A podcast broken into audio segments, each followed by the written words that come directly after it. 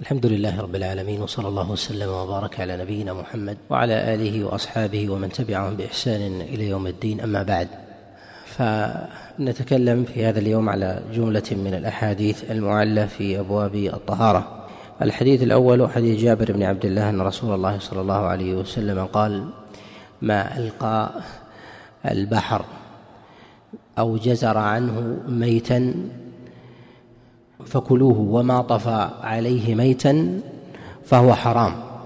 حديث جابر بن عبد الله قد رواه أبو داود وكذلك ابن ماجه في كتابه السنن من حديث يحيى بن سليم الطائفي. عن إسماعيل بن أمية عن أبي الزبير عن جابر بن عبد الله عن رسول الله صلى الله عليه وسلم. وقد اختلف في رفعه ووقفه. وقد تفرد بروايته على هذا الوجه يحيى بن سليم عن إسماعيل بن أمية عن أبي الزبير عن جابر بن عبد الله وإسماعيل ابن أمية مع كونه ثقة. قد خولف في هذا فرواه جماعة عن أبي الزبير عن جابر بن عبد الله موقوفا موقوفا عليه. رواه سفيان الثوري وكذلك بن جريج وكذلك زهير وعبيد الله بن عمر وأيوب وحماد بن سلمة كلهم عن أبي الزبير عن جابر بن عبد الله موقوفا موقوفا عليه وهو وهو أصح. وقد اختلف فيه على سفيان الثوري بين الوقف والرفع. فرواه وكيع وكذلك عبد الرزاق وعبد الله بن الوليد العدني ومؤمل وأبو عاصم كلهم عن سفيان الثوري عن أبي الزبير عن جابر بن عبد الله موقوفا. ورواه أبو أحمد الزبيري عن سفيان الثوري عن أبي الزبير عن جابر بن عبد الله مرفوعا وهو وهم وغلط. والصواب في ذلك والصواب في ذلك أنه موقوف على جابر بن عبد الله. وقد جاء من وجوه أخرى أيضا لا تصح. مرفوعا إلى رسول الله صلى الله عليه وسلم فإنه يرويه ابن أبي ذئب. عن أبي الزبير عن جابر بن عبد الله مرفوعا. وهذا الإسناد مع كون ظاهره الحسن. فإن البخاري عليه رحمة الله تعالى قد أعله كما نقل ذلك الترمذي في كتابه العلل أن البخاري عليه رحمة الله قال أني لا أعرف لابن أبي ذئب عن أبي الزبير حديثا. والمراد من ذلك أن ابن أبي ذئب في روايته عن جابر بن عبد الله لا يروي من واسطة لا يروي بواسطة أبي الزبير وإنما وإنما بواسطة غيره. فإنه يروي عن شرحبيل بن سعد عن جابر بن عبد الله ويروي عن المقبري عن جابر بن عبد الله ويروي عن المقبري عن القعقاع عن جابر بن عبد الله عن رسول الله صلى الله عليه وسلم وتارة موقوفا وهذا الإعلال من البخاري عليه رحمة الله رواية لرواية ابن أبي ذئب عن أبي الزبير هو إعلال مهم لطالب العلم أن يتوقف عنده. والمراد من هذا أن طالب العلم لا ينبغي له أن ينظر إلى ذات الرواة ورسومهم وإنما ينظر إلى تراكيب الإسناد وإن كان وإن كان ظاهر الإسناد الصحة. فإننا إذا نظرنا إلى رواية ابن أبي ذئب عن أبي الزبير عن جابر بن عبد الله نجد أن ظاهرها أن ظاهرها الحسن والصحة والجودة. ولكن إذا إذا نظرنا إلى هذا التركيب نجد أن ابن أبي ذئب مع كونه له أحاديث عن جابر بن عبد الله إلا أنه لا تعرف له رواية عن أبي الزبير عن جابر عن جابر بن عبد الله. وهذا مرده إلى الصبر أنه ينبغي لطالب العلم أن يصبر أحاديث أحاديث الرواة. فيكون سابرا مثلا لحديث جابر بن عبد الله وعن أصحابه وسابرا أيضا لحديث أصحابه. وسابرا أيضا لأصحابه. فما خرج عن تلك القاعدة من رواية المشهورين فإنه لا ينبغي فإنه لا ينبغي قبوله مع ظهوره مع ظهور التوثيق التوثيق فيه. والعلة في ذلك في رواية ابن أبي ذئب عن أبي الزبير عن جابر بن عبد الله يظهر أن أنها في من دون ابن أبي ذئب. فإن ابن أبي ذئب مع كونه ثقة وروايته عن أبي الزبير وأبو الزبير أيضا ثقة ويروي عن جابر بن عبد الله الوهم حينئذ من غيره. فكان هذا الإسناد كان هذا الإسناد مركبا. وبه نعلم أن معرفة الأسانيد المركبة والمقلوبة حيث أبدل راوي براوي أنه لا يمكن أن يتحقق الانسان إلا بإدامة نظر وضبط للأسانيد ومعرفة أيضا للشيوخ للشيوخ والتلاميذ. فإذا نظرنا في ترجمة ابن أبي ذئب لا نجد أن أنهم يذكرون من شيوخه من شيوخه أبا الزبير. وكذلك لا نجد أنهم حينما يترجمون لمحمد بن مسلم ابن تدرس وهو أبو الزبير لا يذكرون من تلاميذ من تلامذته ابن أبي ابن أبي ذئب. وبهذا نعلم أن هذا من القرائن التي تدل على نكارة هذا هذا الطريق. وبه نعلم أيضا أن هذا الطريق الذي يروى به مرفوعا أنه منكر. والحمل في ذلك على الحسين بن ابن يزيد فإنه قد تفرد بهذه الرواية وهو مضاعف وهو لين لين الحديث. وقد جاء هذا الحديث من وجه آخر من حديث يحيى بن أبي أنيسة عن أبي الزبير عن جابر بن عبد الله مرفوعا إلى رسول الله صلى الله عليه وسلم ولا يصح. والصواب في هذا والصواب في هذا الوقف. وهل هذا الوقف صحيح ويقال به؟ يقال اولا بالنسبة لرفعه فإنه منكر ولا يصح. وذلك لما تقدم من الترجيح في أبواب الإسناد. الأمر الآخر لما ثبت في ظاهر كلام الله جل وعلا وكذلك أيضا في ظواهر النصوص من كلام رسول الله صلى الله عليه وسلم وعليه عمل الصحابة أن ميتة البحر حلال بالإطلاق سواء ما طفى عليه ميتا أو ما قذفه البحر. وهذا الحديث حديث جابر بن عبد الله يفرق بين الحالين أن ما قذفه البحر أو جزر عنه ما قذف به البحر بالأمواجه إلى إلى الشواطئ ومات على ذلك وجد ميتا وما جزر عنه البحر بمعنى أنه كان على سطحه ثم جزر عنه البحر وبقي وبقي على أطرافه. هذا حلال. وأما ما طفى عليه ميتا فهذا فهذا حرام. وهذا التفريق لا دليل عليه. والأصل في الميتة والأصل في ميتة البحر أنها حلال. وجاء النص في ذلك عن جماعة من أصحاب رسول الله صلى الله عليه وسلم بإحلال آه، بتحليل ميتة البحر الطافئة.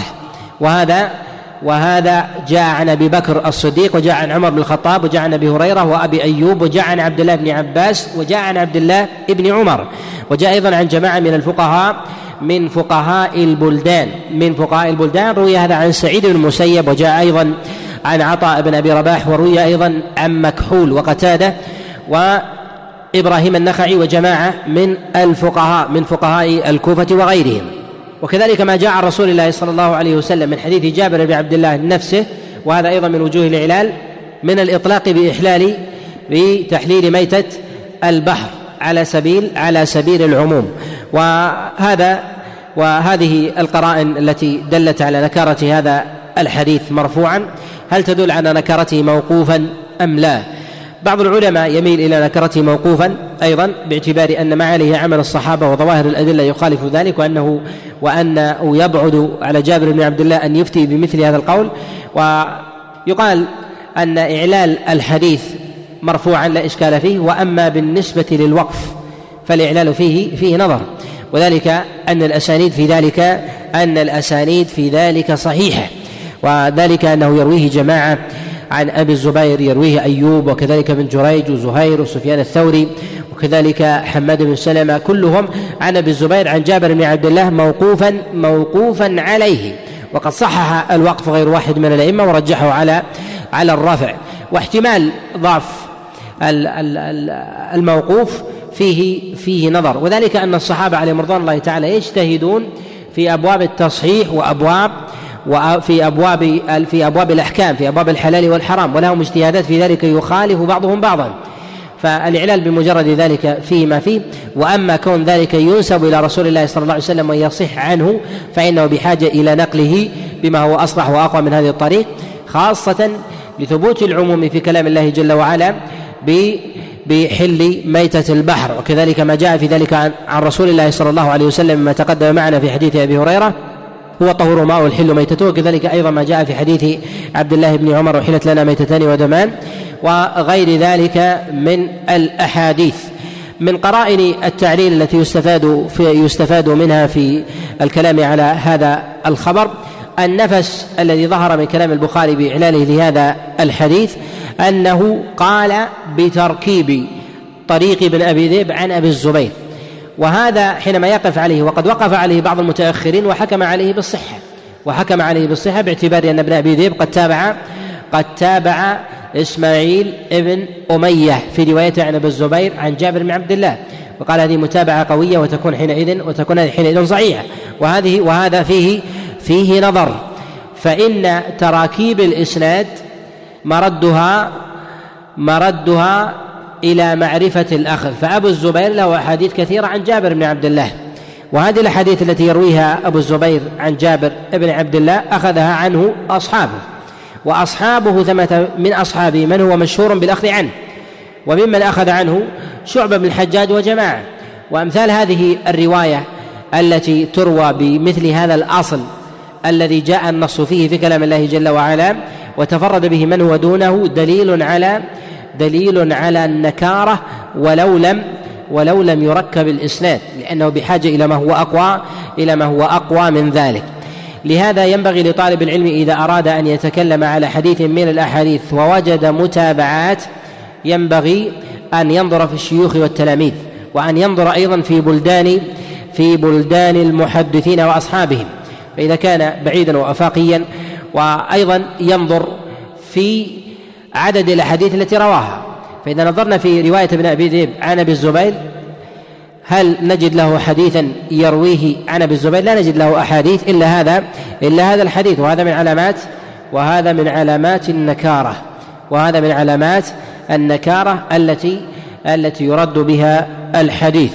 الحديث الثاني حديث عائشة عليه رضوان الله تعالى أن رسول الله صلى الله عليه وسلم كان إذا خرج من الخلاء قال غفرانك. حديث عائشة قد رواه أبو داود وكذلك الترمذي والنسائي وابن ماجه وكذلك رواه الدارمي وابن خزيمة وابن حبان والحاكم وجماعة من حديث إسرائيل.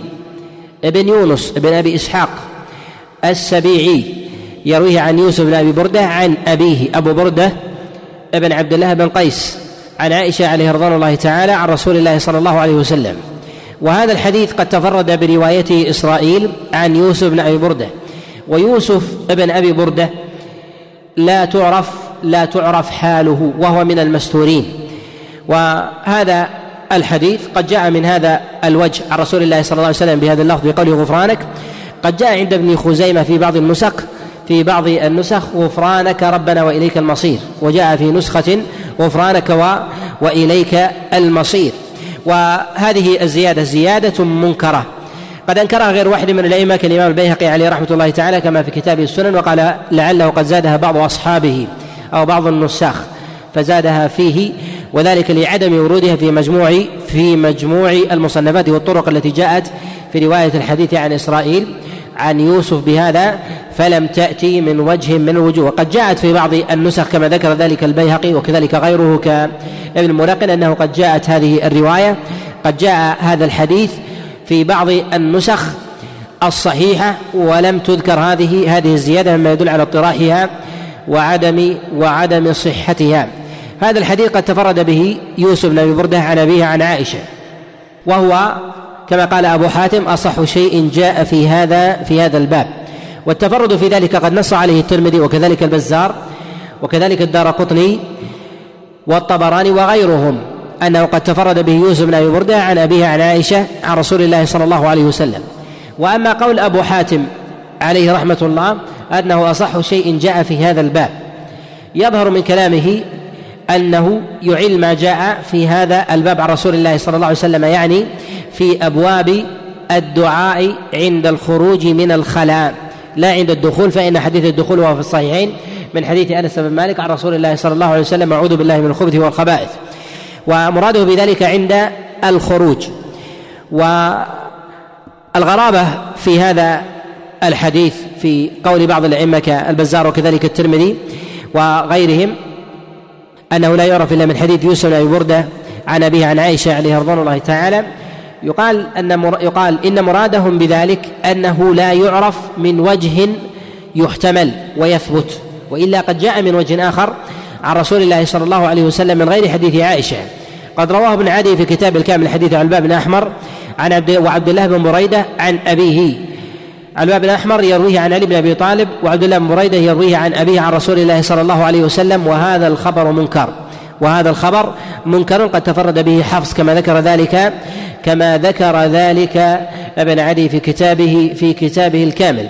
ولا يصح هذا الحديث إلا إلا من حديث عائشة. وأما العلة التي أعلها به بعض العلماء فإن هذا الحديث قد أعله بعض الحفاظ. كابن الجوزي في كتابه العلل المتناهية فإنه أورد هذا الخبر في كتابه في كتابه الموضوعات وكذلك ذكره الدار قطني عليه رحمة الله تعالى في كتابه الأفراد والغرائب وقال أنه قد تفرد بيوسف بن بردة عن ابي عن عائشة معلا معلا له بذلك. وقد اعله أيضا في ظاهر سياقه الذهبي عليه رحمة الله في كتاب ميزان الاعتدال فإنه أورد هذا الحديث في ترجمه في ترجمة يوسف بن أبي بردة عن أبيه عن عائشة عليها رضوان الله تعالى. وهذا الحديث قد احتمله بعض الأئمة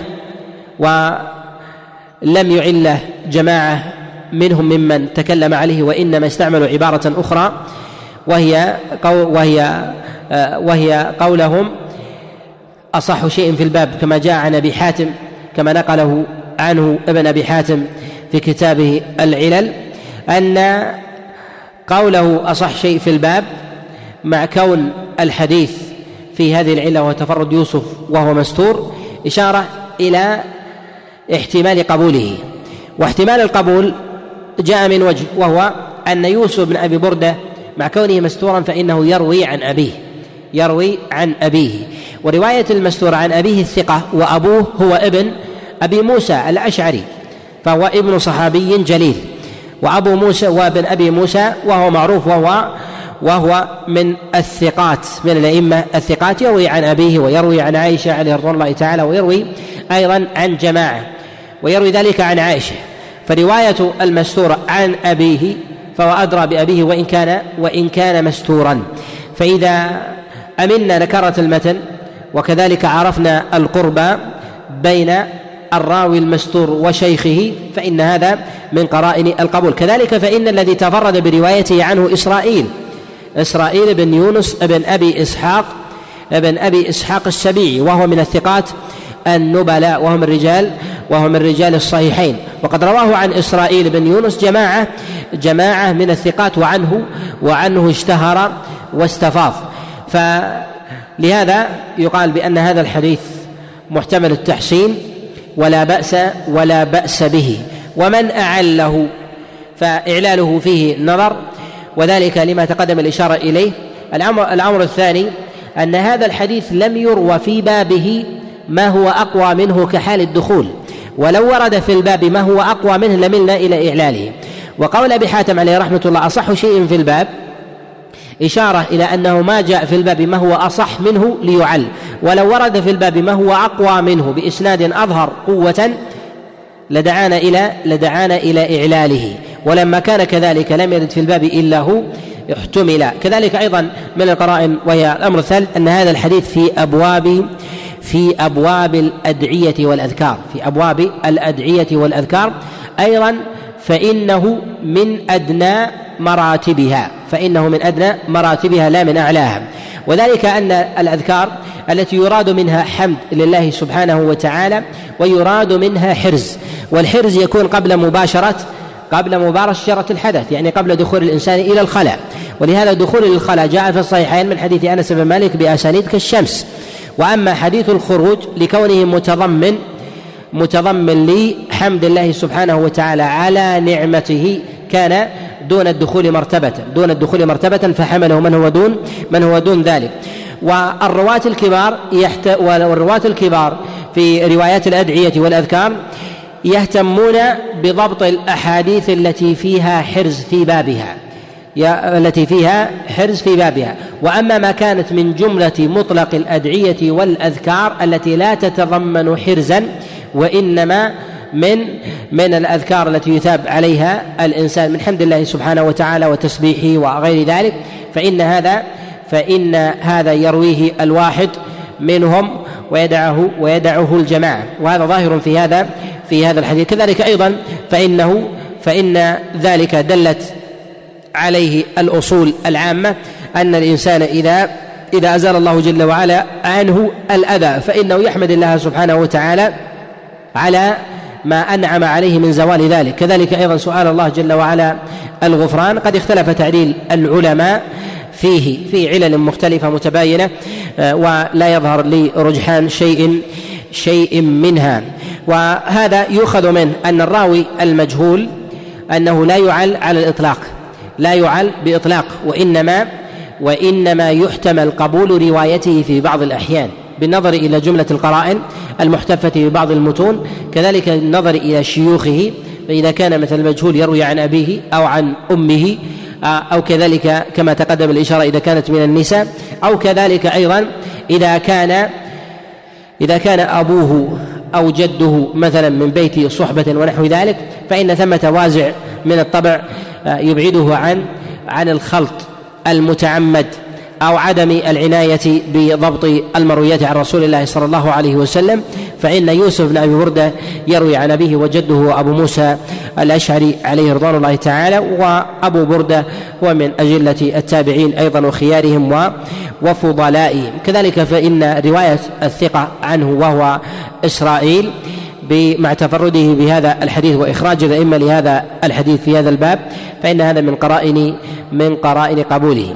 وأما الأحاديث التي جاءت في هذا الباب والتي أشار إليها أبو حاتم عليه رحمة الله تعالى في قوله أصح شيء جاء في هذا في هذا الباب.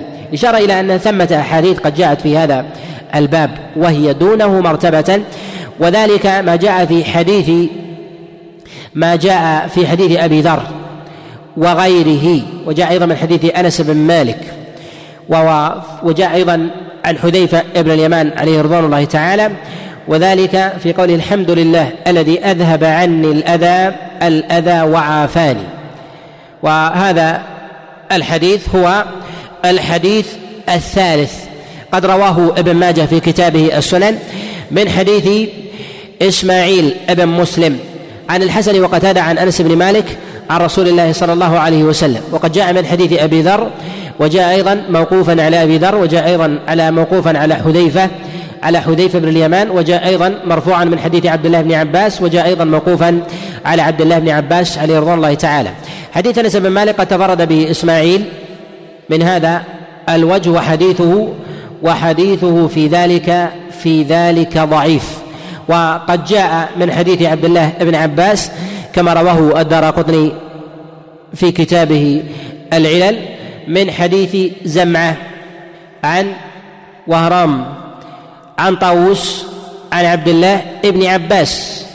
يرويه زمعة عن سلمة بن وهرام عن طاووس عن عبد الله بن عباس. جاء على وجهين. جاء من قول طاووس بن كيسان وجاء من حديث عبد الله بن عباس. والصواب في ذلك أنه من قول طاووس بن كيسان لا لا من حديث عبد الله بن عباس كما رجح ذلك الدار قطني. وقد جاء أيضا عند ابن أبي شيبة ورواه الدار قطني في كتابه السنن من حديث شعبة بن الحجاج عن منصور ابن المعتمر عن أبي الفيض عن ابن أبي حثمة عن أبي ذر مرفوعا إلى رسول الله صلى الله عليه وسلم. وقد خالف شعبة سفيان الثوري خالفه في رواية لهذا الحديث فرواه عن منصور عن رجل عن أبي علي عبيد بن علي عن أبي ذر ورواه سفيان الثوري عن منصور عن أبي عبيد علي بن عبيد عن أبي ذر موقوفا عليه. وصوب الوقف وروايه سفيان الثوري جماعة من الحفاظ كأبي زرعة وكذلك الدار قطني. وذهب بعض العلماء إلى أن شعب الحجاج قد وهم في رواية هذا الحديث في اسم أبي الفيض في واصاب في ذلك أن كنيته في ذلك أن الكنية التي يتكنى بها هي أبو عبيد أبو علي عبيد بن علي عن أبي ذر والصواب في ذلك أيضا الوقف. وجاء بالحديث على وجه سفيان الثوري فقال يرويه منصور تارة يقال عن رجل وتارة يقال منصور عن أبي عن أبي علي عبيد بن علي عن أبي ذر موقوفا. وقال أبو زرعة إن شعبة وهم في اسم الراوي فيه وضبطه سفيان الثوري. وقال إن شعب بن الحجاج كثيرا ما يهم أو وهم شعبة في أسماء الرجال. وشعب بن الحجاج مع جلالة قدره فإنه ربما يهم في أسماء الرجال. والأئمة عليهم رحمة الله في ذكرهم هذا عن شعب بن الحجاج كأبي حاتم وكذلك البيهقي وجعل الامام أحمد عليه رحمة الله أيضا الإشارة إلى وهم شعب بن الحجاج في أسماء الرواة. الاشاره إلى شدة ضبط هذا الإمام وأنه مع شدة ضبطه الوهم الذي يرد عنه مقارنة بالمتون أنه يهم في الأسانيد ولا يكاد يهم يهم في المتون. وإذا أردنا أن نقارن وهم شعبة بن الحجاج في أبواب الأسانيد مع وهم الثقات المتوسطين لوجدنا أن أوهام شعب الحجاج عنده عنده لا تذكر. وإنما يريدون من ذلك أمرين. الأمر الأول أنه عند المخالفة. إذا خالفه من هو أجل منه في أبواب ضبط الأسانيد كسفيان الثوري فإن سفيان الثوري يقدم. ومع جلالة سفيان الثوري في هذا الباب فإن أبا حاتم قد توقف في هذا. قال ولا أدري أيهما الصواب. يعني لا شعبة ولا سفيان لجلالة لجلالة هذين الإمامين. وعند التضاد فإنه إذا عند التضاد إذا كان في جلالة شعبة أو من هو فوقه أو قرينا له فإنه يقدم عليه عند اختلاف أسماء الرواة.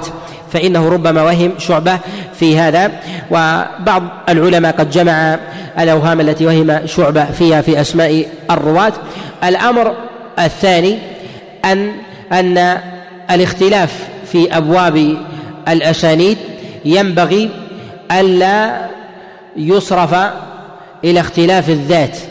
ألا يصرف إلى اختلاف الذات. فإننا إذا نظرنا إلى هذا الإسناد إلى هذا الإسناد فإنه يروى من حديث منصور عن أبي الفيض وتارة يقال عن أبي علي.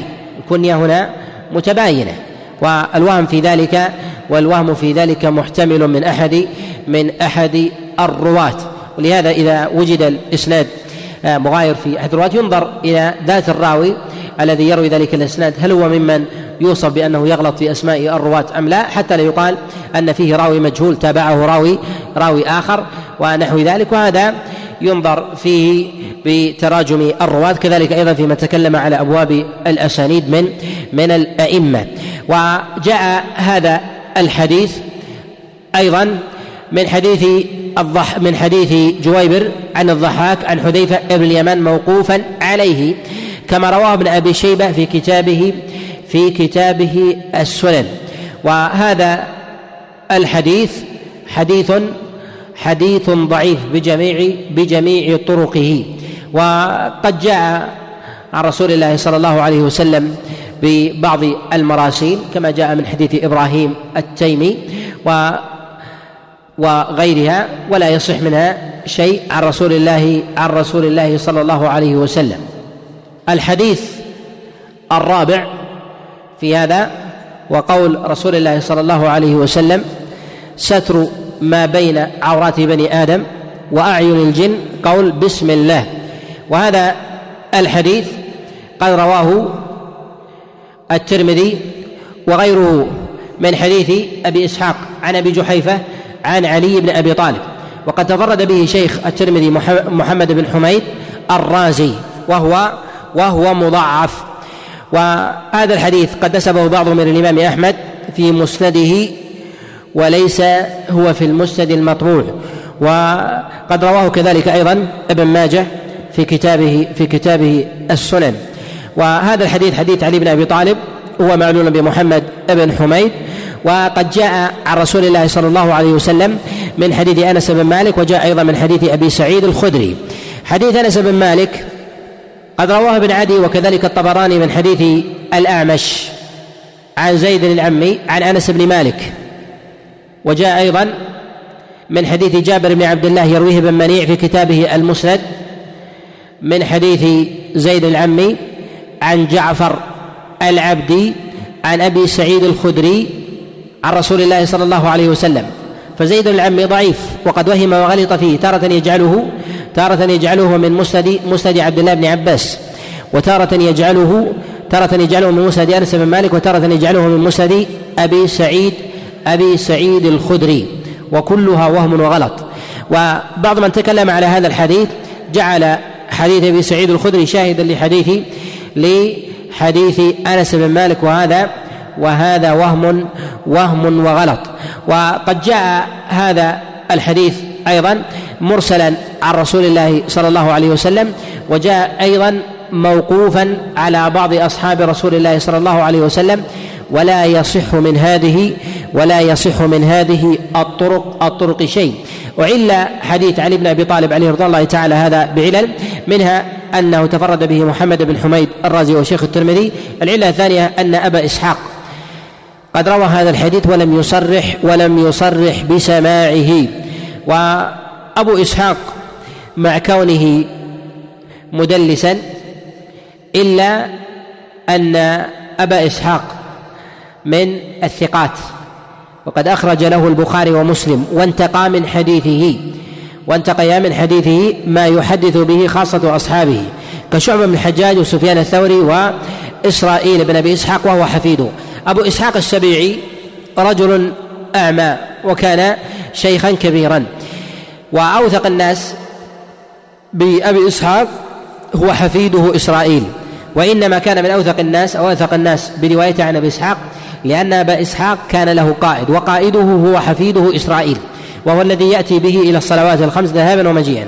والبخاري يقدم إسرائيل على شعبة وسفيان.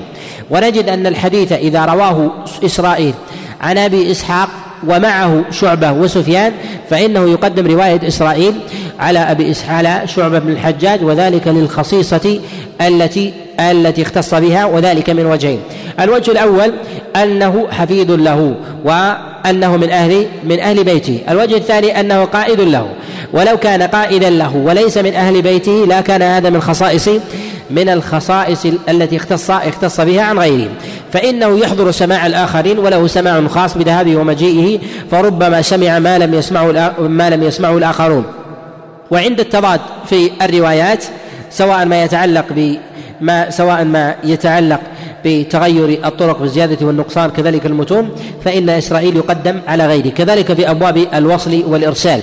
وهذا وهذا يدلنا إلى قاعدة مهمة وتقدم الإشارة إلى أصلها وهي أن طالب العلم إذا وقف على إسناد من الأسانيد أنه لا ينبغي له أن يكتفي بالنظر إلى ترجمة الراوي مجردا وإنما ينظر إلى ترجمة الراوي وعلاقته بالمروي عنه وهذا قدر زائد عن ترجمته وأن لا يكتفي بأبواب بأبواب توثيق الراوي المطلقة فربما زاد بخصيصة عن غيره. فنحن نظر إذا نظرنا إلى إسرائيل في ترجمته الخاصة لوجدنا أن ألفاظ التعديل لشعبة بن الحجاج وسفيان فوق فوق إسرائيل.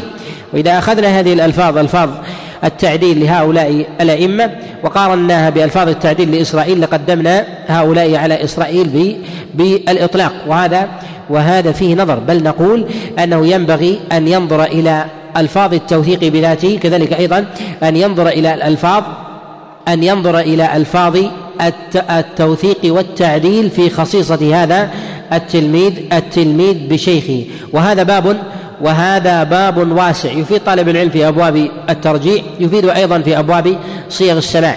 وأما ما يتعلق بصيغ السماع التي يذكرها العلماء عند معرفة الراوي هل سمع من شيخه أو لم يسمع؟ أنه إذا لم يصرح بالسماع فإنه يرد. نقول أنه ينبغي لطالب العلم في أبواب التدليس أن لا يعل أن لا يعل حديث المدلس بمجرد وصفه بالتدليس وإنما لا بد من النظر النظر إلى أحوال في رواية الراوي. الراوي إذا كان مدلسا لا بد من النظر إلى إلى أمور. الأمر الأول الأمر الأول أن ينظر إلى نوع التدليس فيه الذي وصف هذا الراوي فيه. فإذا كان الراوي قد وصف بتدليس شيوخه بتدليس الشيوخ أو بتدليس التسوية ونحو ذلك فإنه تارة فإنه ربما لا يشترط الإلزام بتصريحه بالسماع من شيخه وإنما يحتاج إلى تصريحه بالسماع بشيخ شيخه وربما يشدد يشدد في ذلك أيضا. فبعض الرواة يكون مدلس ويكون تدليسه في روايته عن شيخه وكذلك أيضا بعض الرواة يوصف بالتدليس وتدليسه يراد به نوع معين من الأنواع يمكن معرفته واكتشافه من غير النظر إلى صيغ السماع. من غير النظر إلى صيغ إلى إلى صيغ السماع. وذلك كالحسن البصري. نجد أن العلماء في ترجمته يذكرون أنه يذكرون أنه يدلس. وتدليس الحسن البصري مراد العلماء بذلك أن الحسن البصري يدلس عن الصحابة يروي عنهم أحاديث لم يسمع منهم. أي يروي عن أناس عاصرهم ولم يسمع منهم كروايته عن عبد الله بن عباس فإنه لم يسمع منهم إذا ما هو الحل؟ الحل هنا ليس أن ليس لنا أن نبحث عن صيغ السماع لماذا؟ وإنما ننظر إلى هل سم هل ثبت لقية بهذا الراوي أم لا وهذا يكون هو الكافي حينئذ مجرد صيغة السماع لا لا تغنينا في ذلك شيء لا تغنينا في ذلك في ذلك شيء الأمر الثاني أن الحسن البصري إذا روى عن تابعي ولم يروي عن صحابي عن تابعي عن صحابي هل نعل هذا الحديث أم لا؟ لا نعل هذا الحديث لأن تدليس الحسن عن الصحابة وليس تدليسا عن التابعين. ومن نظر إلى ترجمة الحسن البصري وجد أن الأئمة يقولون الحسن البصري مدلس.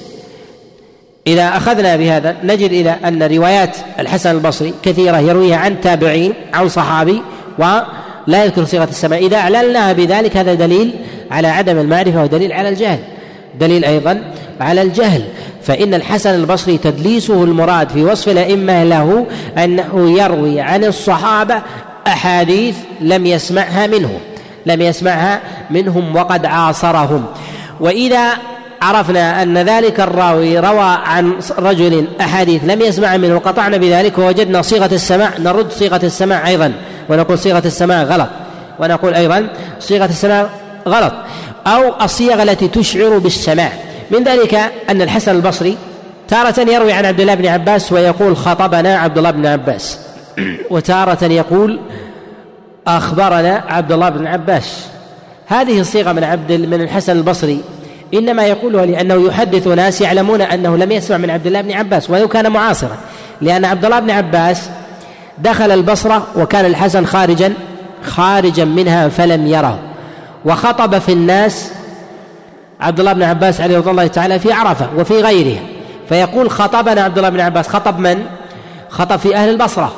وليس المراد بذلك أنه خطب في وفي الناس والحسن البصري وهذا معلوم أيضا في عبارات العرب أنهم يتجوزون في أمثال هذه العبارات ولا يريدون بذلك تدليسا وتلبيسا أي خطب عبد الله بن عباس في أهل بلدنا وقال كذا وكذا.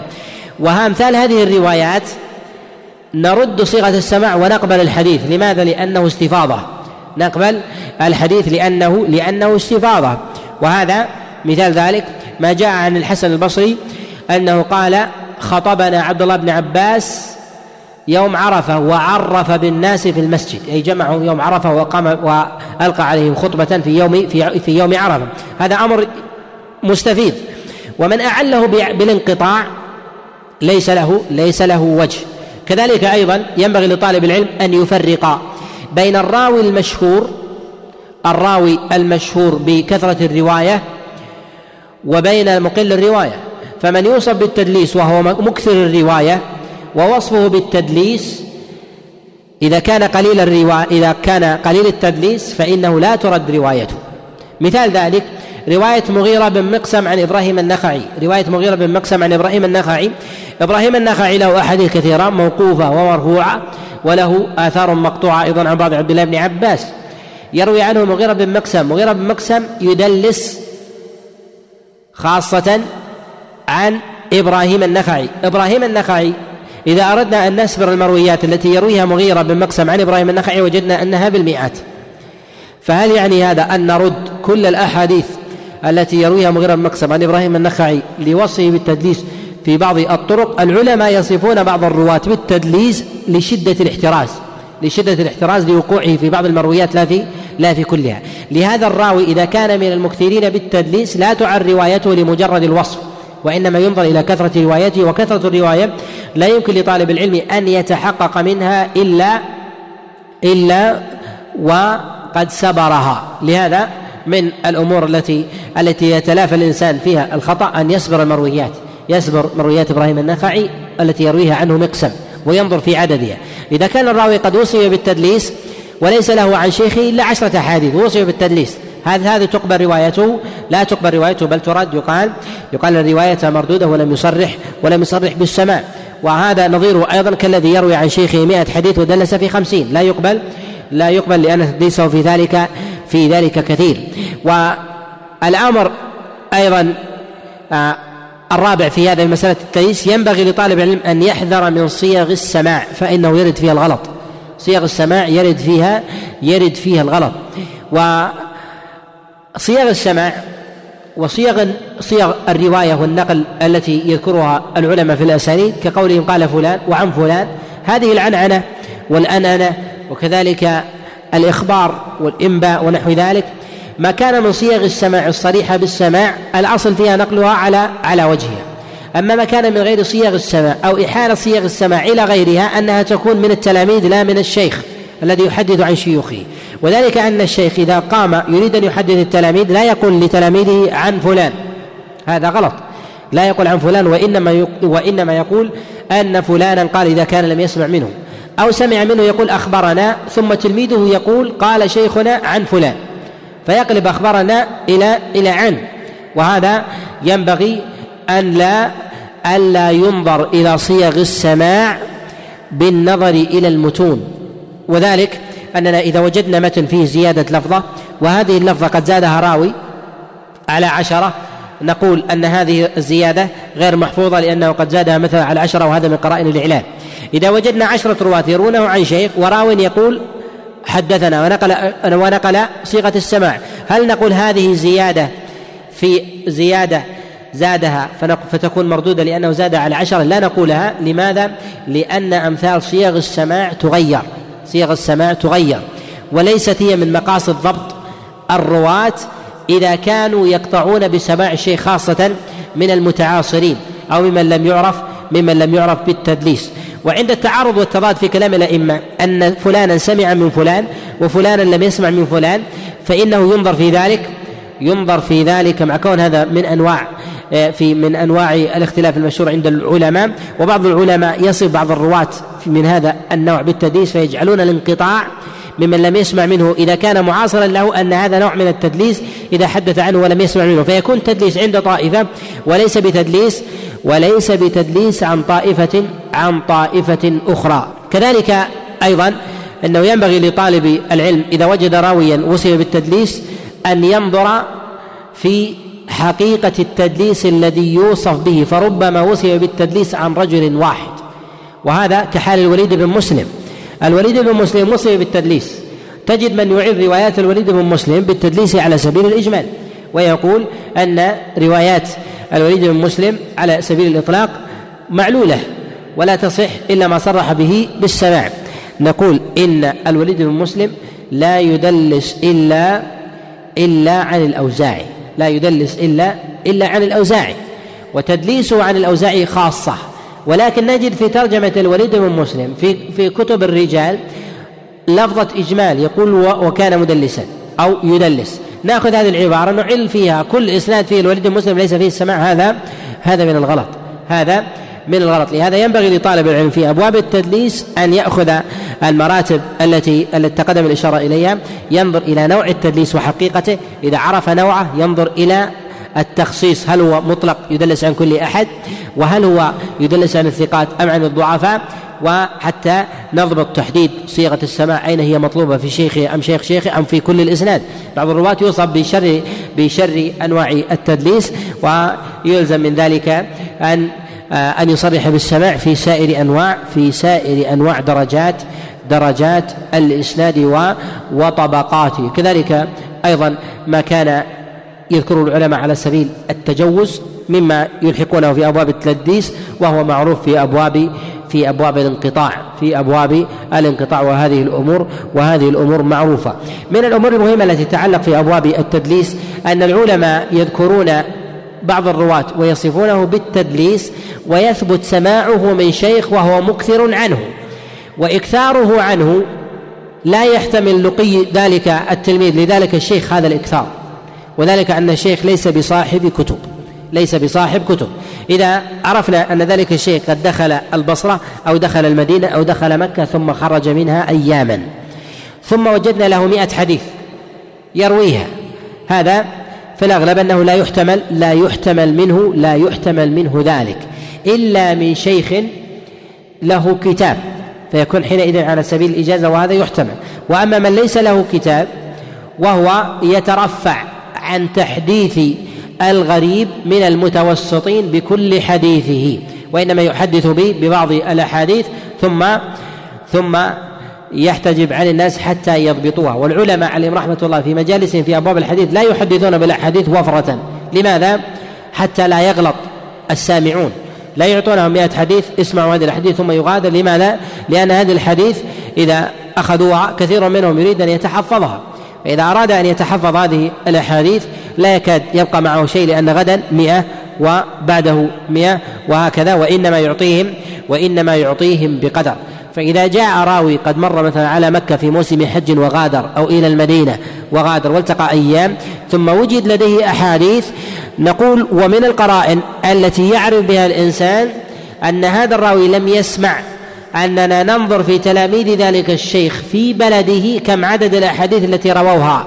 إذا كانت دون ذلك الراوي الذي روى وهو غريب فكيف ينفرد ذلك المغترب بمئة حديث وبلديه الذي يلازمه ويعتني به ومكثر من الأخذ عنه؟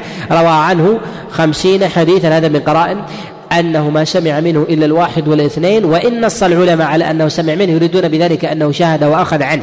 وإنما أن لا يعني هذا أنه سمع منه كل شيء. ومن يأخذ السماع مرة ومرتين ولا يفرق بين قليل وكثير هذا هذا يخطئ. لهذا نجد الأئمة عليهم رحمة الله يعلون كثيرا من الأحاديث يقولون فلان لم يسمع من فلان مع كونه قد لقيه وسمع منه. فإذا وجدت في كتب الرجال والتراجم والمراسيل يقولون أن فلان سمع من فلان. وإعلان الأئمة لبعض الأحاديث قد يضرب هذا بهذا.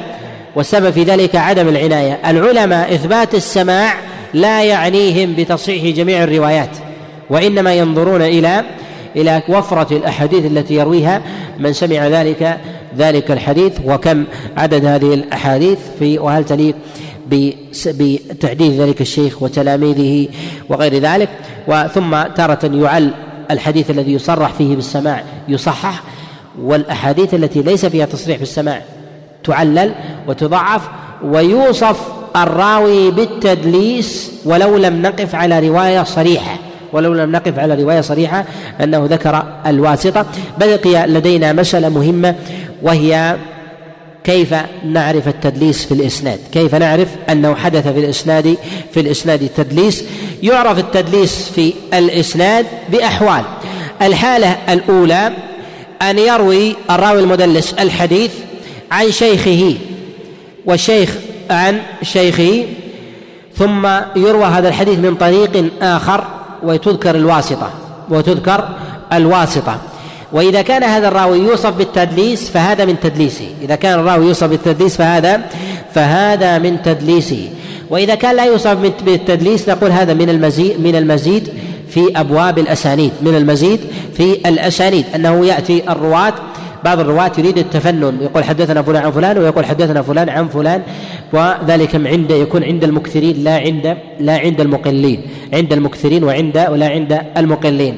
وثمة قرائن يعرف فيها أيضا يعرف فيها الوهم والغلط تارة يرجح المزيد على الناقص. المزيد على النقص مع إمكان السماع. وذلك عند الأئمة الذين يشددون في أبواب الأسانيد النازلة التي لا يريدون الأسانيد النازلة كشعبة من الحجاج. وهؤلاء ما كشعب بن الحجاج يكثر من الشيوخ ولكن إذا روى إسنادا عن شيخه ثم رواه بواسطة نقول أنه وهم الراوي عن شعبة إذا كان متوسطا متوسط الثقة. أو خفيف ضبط ونحو ذلك نقول وهم والصواب في ذلك الإسناد النازل الإسناد النازل لا الإسناد العالي لماذا؟ لأن شعبة بن الحجاج إذا صح الإسناد النازل عنه بأوثق من إسناد النازل وكلها ظاهرها الصحة نصحح النازل ولا نصحح العالي ولا نقول هو صحيح على الوجهين لماذا؟ لأن شعبة يكره الأسانيد الأسانيد النازلة ولا يضطر إليها إلا إلا أنه لا يجد لا يجد العالي وهكذا فإذا وجدنا انه انه جاء من طريق والراوي قد وصف بالتدليس جاء من طريق ذكره عن شيخ ثم من طريق ذكر الواسطة نقول أنه قد دلس في هذا الموضع. وبه نقطع في بعض الأحيان أن صيغة السماع في الإسناد الذي لم يذكر الواسطة أن صيغة السماع ليست بصحيحة وهي وهم من بعض من بعض الرواة.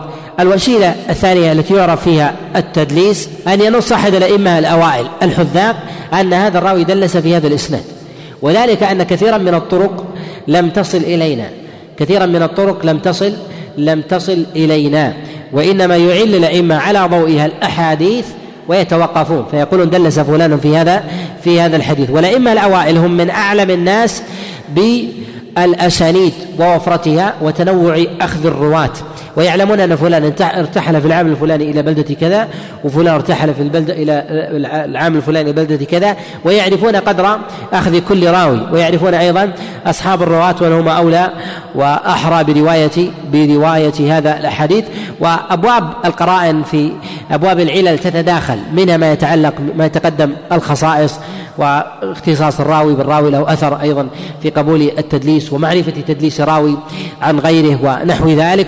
ومن القرائن أو الوجوه التي يعرف فيها التدليس أن هذا الراوي الذي يروى أو يروي الحديث وقد وصف بالتدليس يرويه عن شيخه بلا بلا واسطة ويرويه من هو أعلى منه وأوثق وأكثر ملازمة يرويه عنه بواسطة فيروي البعيد الحديث بلا واسطة والقريب يرويه يرويه بواسطة.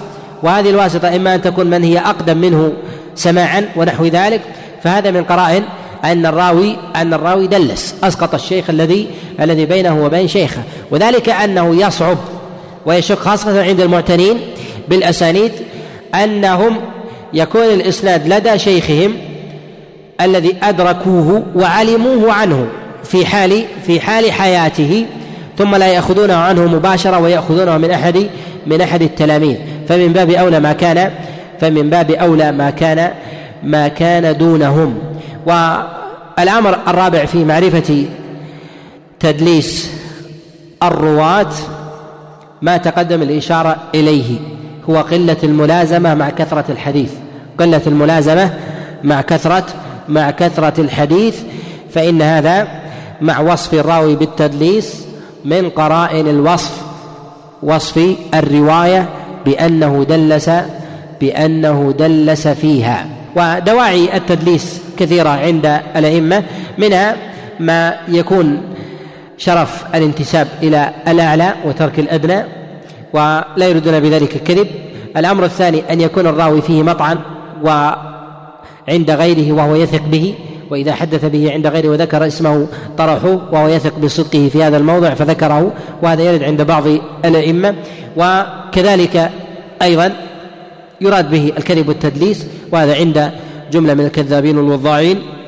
الأمر الرابع أيضا أن يختصر الراوي الشيوخ أن يختصر الشيوخ. وهذا يوجد عند بعض الأئمة ولا يوصفون بالتدليس الذين يقطعون الإسناد. وذلك إما أن يكون لمعرفة التلاميذ به فيعرف التلاميذ أنه لم يسمع من شيخه وإنما يحدد بالواسطة المعروفة فذكر في هذا الموضع فكان في المجلس غريب فسمع هذا الإسناد ورواه على هذا الوجه فرواه على هذا الوجه. والتوسع في إطلاق التدليس على أئمة كبار ونحو ذلك مع كون هذه اللفظة شديدة ويشدد فيها الأئمة فيه ما فيه. وقد توسع بعض الأئمة المتأخرين من إطلاق التدليس حتى شمل البخاري بوصف التدليس فجعل من طبقة متأخرة من المدلسين. وهذا ليس ليس المراد به التدليس المعروف آه، المذموم وإنما يراد به أنه لا يصرح بالسماع عن بعض شيوخه مما يحتمل معه مما يحتمل معه التدليس. وبهذا القدر نكتفي ونكمل في الدرس القادم بإذن الله. وإذا كان لدى الإخوة شيء من الأسئلة عما مضى أو غيره فليتفضل. نعم. إي بعضهم يصف. قد أشار إلى هذا الحافظ بن حجر. نعم. يرد عليه أن التدليس إنما يكون برواية الراوي إذا روى عن شخص لم يسمع منه أو عن شيخ يسمع منه بعض الحديث ولم يسمع منه البعض الآخر. وكل المرويات التي ينقلها هشام البخاري عن هشام ابن عمار كلها من مسموعاته سواء التي ينقلها الطرق التي ينقلها في كتابه الصحيح أو في الأدب المفرد أو في التاريخ أو غيرها كلها من كلها من السماع ولم يروي البخاري حديثا صحيحا عن هشام ابن عمار ويكون بينه وبين البخاري واسطة ضعيفة وهذا ينبغي أن يؤخذ. ويكفي في هذا أنه قد جاء في بعض المرويات أن البخاري روى هذا الحديث مباشرة عن هشام بن عمر بن عمار تصريحا. كذلك أيضا قد جاء موصولا بما يبين قوته. كذلك أيضا الراوي أو الإمام لا يوصف بالتدليس إلا عند اليقين والبينة لا عند الظنون. ومنها أيضا أن من عرف بالتدليس في موضع له قرائن أخرى تقرن تدليسه والبخاري من أشد الناس احتياطا في هذا. ومن أشد الناس أيضا محاربة لأوهام المدلسين بالرواية عن عن أخص الناس أخص الناس به. نعم. لا الأحاديث التي يدلسها تكون من حديث الأوزاعي. يرويها عن الأوزاعي. كيف وجه تدليس أي. ويجعل الأوزاعي يروي عن شيخه بالعنعنة أيضا. لا لا يذكر الأوزاعي. يذكر الأوزاعي ويذكر ولا يذكر صيغة السماع. بين الأوزاعي وشيخه وبينه وبين الأوزاعي. يكون في سقط نعم من القرائن هذا يقول هنا من قرائن قبول حديث غفرانك قلة الألفاظ. وهذا أيضا من القرائن الصحيحة. الحديث الطويل لا يضبطه الضعيف أو خفيف الضبط. وأما القصير فيضبطه أدنى الناس أدنى الناس حفظا. نعم. أولا قد يكون يوسف بن أبي بردة ممن حدثه أبو بردة بأحاديث ولكنه لم يحدث. وهذا يوجد أن بعض الرواة يكثر الأخذ ولكنه يقل التبليغ. وهذا معلوم. والرجل في بيت أبي بردة وأوردها مثل هذا الحديث التي الذي غالبا أن الإنسان يعمل به لحاجته إليه في اليوم مرات. فنقول في مثل هذا هذا مدعاة إلى إلى الضبط والقبول. ولو كان بعيدا عن أبي بردة لقلنا بضعفه. ولكن لما كان في داره فليس لنا أن نقول ليوسف بن أبي بردة أنه ليس لديه حديث عن أبي بردة إلا هذا الحديث. وإنما نقول روى هذا الحديث. إما لكفاية غيره أو لانشغاله بمؤونة أبيه أو بأهل داره ونحو ذلك أو غير ذلك من المصالح الأخرى وهو مستور لا يعرف عنه لا يعرف من حاله آه، من التوثيق والضبط شيء لقلة المرويات. يقول أبو إسحاق السبيعي إذا روى وعن عن هل الأصل حمل رواية على السماع أم لا؟ نقول أنه لا يخلو من أن آه، ذلك من النظر إلى تلاميذ أبي إسحاق. إذا كان كبار الحفاظ والثقات كإسرائيل وشعبة وسفيان فإنه يحمل على السماع لأن هؤلاء يحترزون جدا. يحترزون جدا. ومع ثقة بإسحاق أيضا إذا انضمت إلى احتراز هؤلاء فإنه يقال أن روايته ولو عن عن تحمل على السماع أما إذا روى عنه غير هؤلاء وكان المتن يعل بأدنى علة فإنه يعل بالعنعنة ويطلب حينئذ ويطلب حينئذ السمع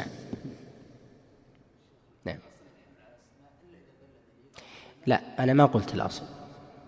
الأصل في قبول إسرائيل وشعبة وسفيان. لأن إسرائيل لأن أبا إسحاق له أصحاب كثر. إذا قلنا الأصل يعني الأصل في الجميع. لا قول الأصل في إسرائيل وشعبة وسفيان. وصلى الله وسلم وبارك على نبينا محمد.